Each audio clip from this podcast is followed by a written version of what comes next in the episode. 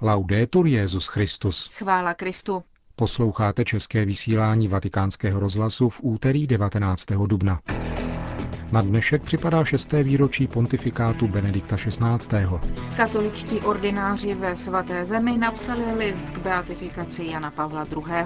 A v závěru pořadu uslyšíte v rubrice O čem se mluví komentář ke včerejšímu rozhodnutí Nejvyššího správního soudu ve věci příručky o sexuální výchově. Pořadem vás provázejí Milan Glázer a Markéta Šindelářová. Zprávy vatikánského rozhlasu. Vatikán. Církev dnes slaví šest let od zahájení pontifikátu Benedikta XVI. Jedním z prvních gratulantů byl dnes dopoledne italský prezident Giorgio Napolitano, který ve svém poselství mimo jiné poděkoval za papežova slova k Italům při příležitosti oslav národní jednoty. Benedikt XVI. v uplynulém roce svého pontifikátu vykonal apoštolské cesty do Portugalska, na Kypr, do Velké Británie a do Španělska. Ve Vatikánu se zúčastnil zasedání biskupského synodu pro Blízký východ a mimo jiné vydal dvě knihy. Druhý díl Ježíše Nazareckého a knižní rozhovor Světlo světa. Jedním z hlavních aspektů prvních šesti let pontifikátu Benedikta XVI. je úsilí o obnovení evangelizace, jak to potvrzuje také kardinál Camilo Ruini. Už když byl kardinálem, zdůrazňoval často Benedikt XVI., že se v Evropě a všeobecně na západě hraje rozhodující zápas za evangelium a celý svět. Jestliže totiž evangelium nedokáže prostoupit moderní západní kulturu, těžko může prostoupit jiné kultury. Myslím, že právě to je hlavní důvod, proč svatý otec ustanovil novou papežskou radu pro novou evangelizaci, především v zemích se starobylou křesťanskou tradicí, které ale riskují ztrátu dědictví své víry i kultury. Vatikán. Včera odpoledne zemřel v Miláně kardinál Giovanni Saldrini. Emeritní turínský arcibiskup zemřel v nemocnici ve věku 87 let. Benedikt XVI. vyjádřil svůj zármutek v telegramu, kde obdivuje, jak kardinál Saldarini dlouhou nemoc prožíval v důvěře a odevzdán pánu. V telegramu turínskému arcibiskupovi Cezárovi Nosiliovi papež ujistil o své spoluúčasti na bolesti jeho, celého diecézního společenství i rodiny kardinála Saldariniho. Benedikt XVI. dál připomněl to, jak zesnulý kardinál štědře sloužil evangeliu a církvi a ocenil živé a hojné pastorační dílo, které vykonával od počátku, nejdřív jako horlivý kněz a pomocný biskup v Miláně a poté jako bedlivý a vlídný arcibiskup Turína. Zesnulého kardinála Saldariniho si připomínají obě arcidiecéze. V Miláně, kde byl v roce 1984 ustanoven pomocným biskupem, za něj sloužil zádušní bohoslužbu tamní arcibiskup kardinál Dionigi Tetamanci. Poté bude rakev z ostatky zesnulého převezena do Turína, kde bude uložena v katedrále, kde se zítra odpoledne v 15.30 budou konat pohřební obřady. Sloužit je bude arcibiskup Cesare Nosilia. Kardinál Saldarini stál v čele této piemonské arcidiecéze 10 let, od roku 1989 do roku 1999. Jeruzalém. Třináct představitelů jeruzalémských církví společně apeluje na smíření ve svaté zemi, a to v poselství k nadcházejícím velikonocům. Ujišťují v něm, že křesťané s modlitbami sledují vývoj situace na Blízkém východě. Modlíme se, aby reformy vedly k občanské společnosti, v níž budou respektovány svoboda projevu, náboženská svoboda, lidská práva všech, včetně těch, kteří jsou kvůli svému počtu považováni za menšinu, stojí v poselství, které přinesla agentura SIR. Vyzýváme všechny věřící i lidi dobré vůle, aby hledali mír, který nemůže být koupen za cenu mlčení a podřízení se korupci a nespravedlnosti, dodává 13 jeruzalémských křesťanských představitelů. Vyzýváme všechny křesťany, aby se modlili za smíření mezi národy svaté země, kde se situace zhoršuje a zdá se, že mír a spravedlnost se stále více vzdalují. Apelujeme na církve ve světě, aby nás podpořili v naší snaze dát hlas těm, kdo jsou potichu, ve snaze zbořit zdi, které oddělují jedny od druhých a zbudovat mosty dobré vůle mezi lidmi. V závěru velikonočního poselství 13 představitelů jeruzalémských církví žádá představitele národů a ty, kdo se snaží o změny, aby užívali moudrosti a rozumu uspokojování potřeb národů a k podporování mírových řešení při budování lepší budoucnosti pro všechny boží děti. Jeruzalém. Muž víry, dialogu a pokoje, neohrožený svědek a trpící člověk. Těmito slovy popsali Jana Pavla II. katoličtí ordináři ve svaté zemi v listě adresovaném kněžím, řeholníkům a věřícím v souvislosti s blížící se beatifikací polského papeže, k níž dojde ve Vatikánu 1. května.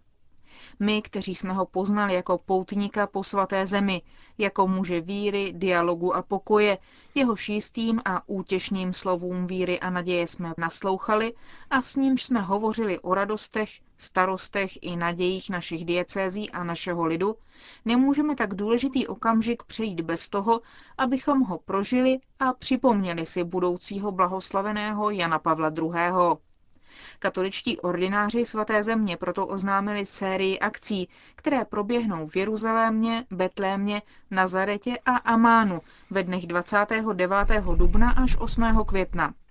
Mezi nimi je například varhaní koncert, eucharistické a mariánské vigílie a výstavy. V Jordánsku se bude konat 30. dubna setkání mladých.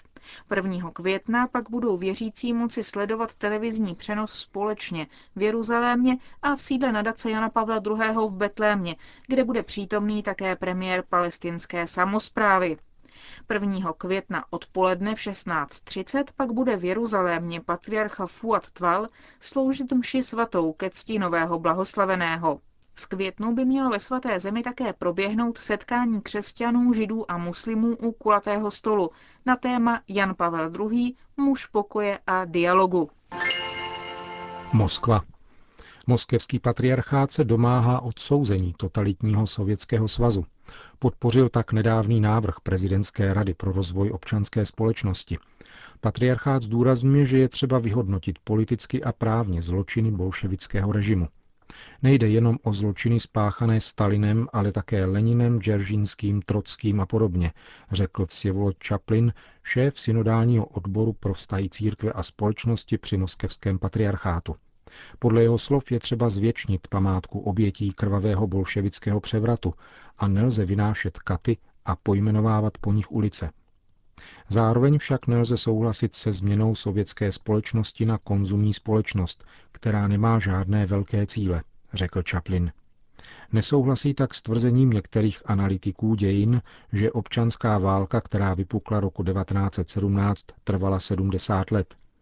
Občanská válka netrvala tak dlouho, ale odpor společnosti vyvolaný bolševickým převratem ano. Ještě však nebyl doveden do konce a to je třeba učinit. Chaplin také vyjádřil nesouhlas s tezí prezidentské rady, že za rozpoutání první a druhé světové války je odpovědná celá Evropa. Za rozpoutání první světové války jsou odpovědné vlády celé řady západních států, ale za rozpoutání druhé světové války nacistická vláda Německa a nikoli celý německý národ, řekl představitel moskevského patriarchátu. Konec zpráv. O čem se mluví?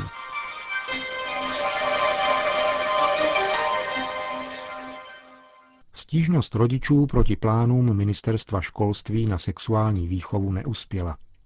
Nesnad proto, že by nejvyšší správní soud České republiky podpořil rodiči kritizovanou příručku ministerstva školství, ale proto, že nemá pravomoc ve zmíněných ministerských plánech něco měnit. Nemají totiž povahu obecně závazných opatření. Celý spor o právo rodičů vychovávat vlastní děti je tak rozdroben do konkrétních vztahů mezi rodiči a ředitelstvími jednotlivých škol. Soud však připustil, že se konkrétními spory tohoto typu ještě bude muset zaobírat. V českých školách však zmíněný předmět zřejmě bude nepovinný. Znepokojivé otázky tím však bohužel nemizí. Ve zprávách o včerejším výroku soudu média nelenila informovat veřejnost o tom, že rodiče, kteří podali stížnost, jsou římskokatolického vyznání. jako by to snad mělo vliv na jejich práva. Ne vždy však také zopakovala, že petici proti ministerskému záměru podepsalo v krátkém čase na 40 tisíc rodičů.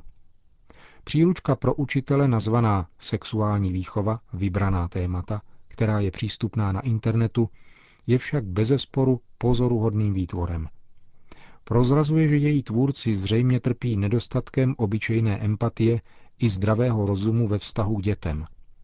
Některé pasáže jsou takového rázu, že je lze stěží citovat do veřejného média a tím méně pak v dětském prostředí. Na snadě je dokonce otázka, zda takto pojatá výchova není jen jakýmsi druhem veřejného náboru obětí pedofilního jednání. Kurzy tohoto typu sexuální výchovy by totiž jistě našli mezi osobami postiženými touto úchylkou ochotné školitele, pokud ovšem za pár let vůbec ještě bude považována za úchylku. Obdobné příklady v této oblasti bohužel nechybějí. Takzvaná genderová ideologie nepochybně dříve či později dodá bezchybně vědecké argumenty. I bez ohledu na tento dosud platný trestně právní aspekt je však vhodnější hovořit spíše o příručce sexuální depravace dětí. Posedlost evropských institucí v tomto směru je znepokojivým faktem a Benedikt XVI. ve své promluvě k diplomatickému sboru z ledna letošního roku označil povinnou účast na takovýchto kurzech v některých evropských zemích za ohrožení náboženské svobody. Genderoví politruci, tvářící se jako by sexualitu objevili teprve oni, jsou totiž neoblomní nejenom u nás. Osvětoví pracovníci nové ideologie jsou jejími prvními oběťmi a její laboratoří už není konkrétní národ ani konkrétní společenská třída, jako tomu bylo v nacionálním socialismu a komunismu. Nýbrž lidské mládě jako takové. Sociální technokracie dnes, prostřednictvím mezinárodních institucí, financovaných takzvanými filantropy, působí na jiné a zcela nečekané rovině lidské existence. Cílem nenávistného ideologického afektu už nejsou příslušníci konkrétní národnosti nebo sociální třídy, nýbrž lidství jako takové, a to v jeho nejkřehčím jádru. Jde o útok duchovní síly, zneužívající konkrétních lidí způsobem ještě záludnějším, než tomu bylo doposud. V bývalém koncentračním táboře Auschwitz-Birkenau lze přítomnost této nelidské síly a tristní účast jejich kolaborantů v lidských řadách stále ještě vnímat.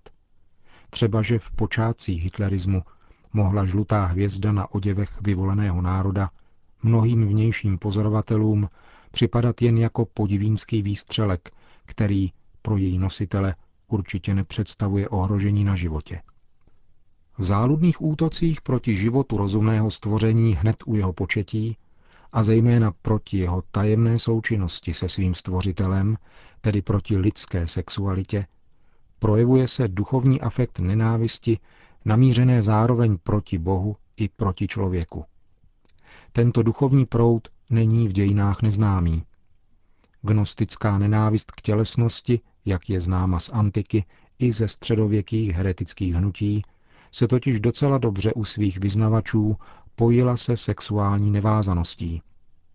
Zatímco však v minulosti byla propaganda těchto falešných mudrců soustředěna na ideje, přičemž svoje praktiky na veřejnosti spíše skrývali, dnes je otevřeně propagována právě ona nestoudnost a bezuznost, zatímco její ideové pozadí je skryté anebo bývá tajeno.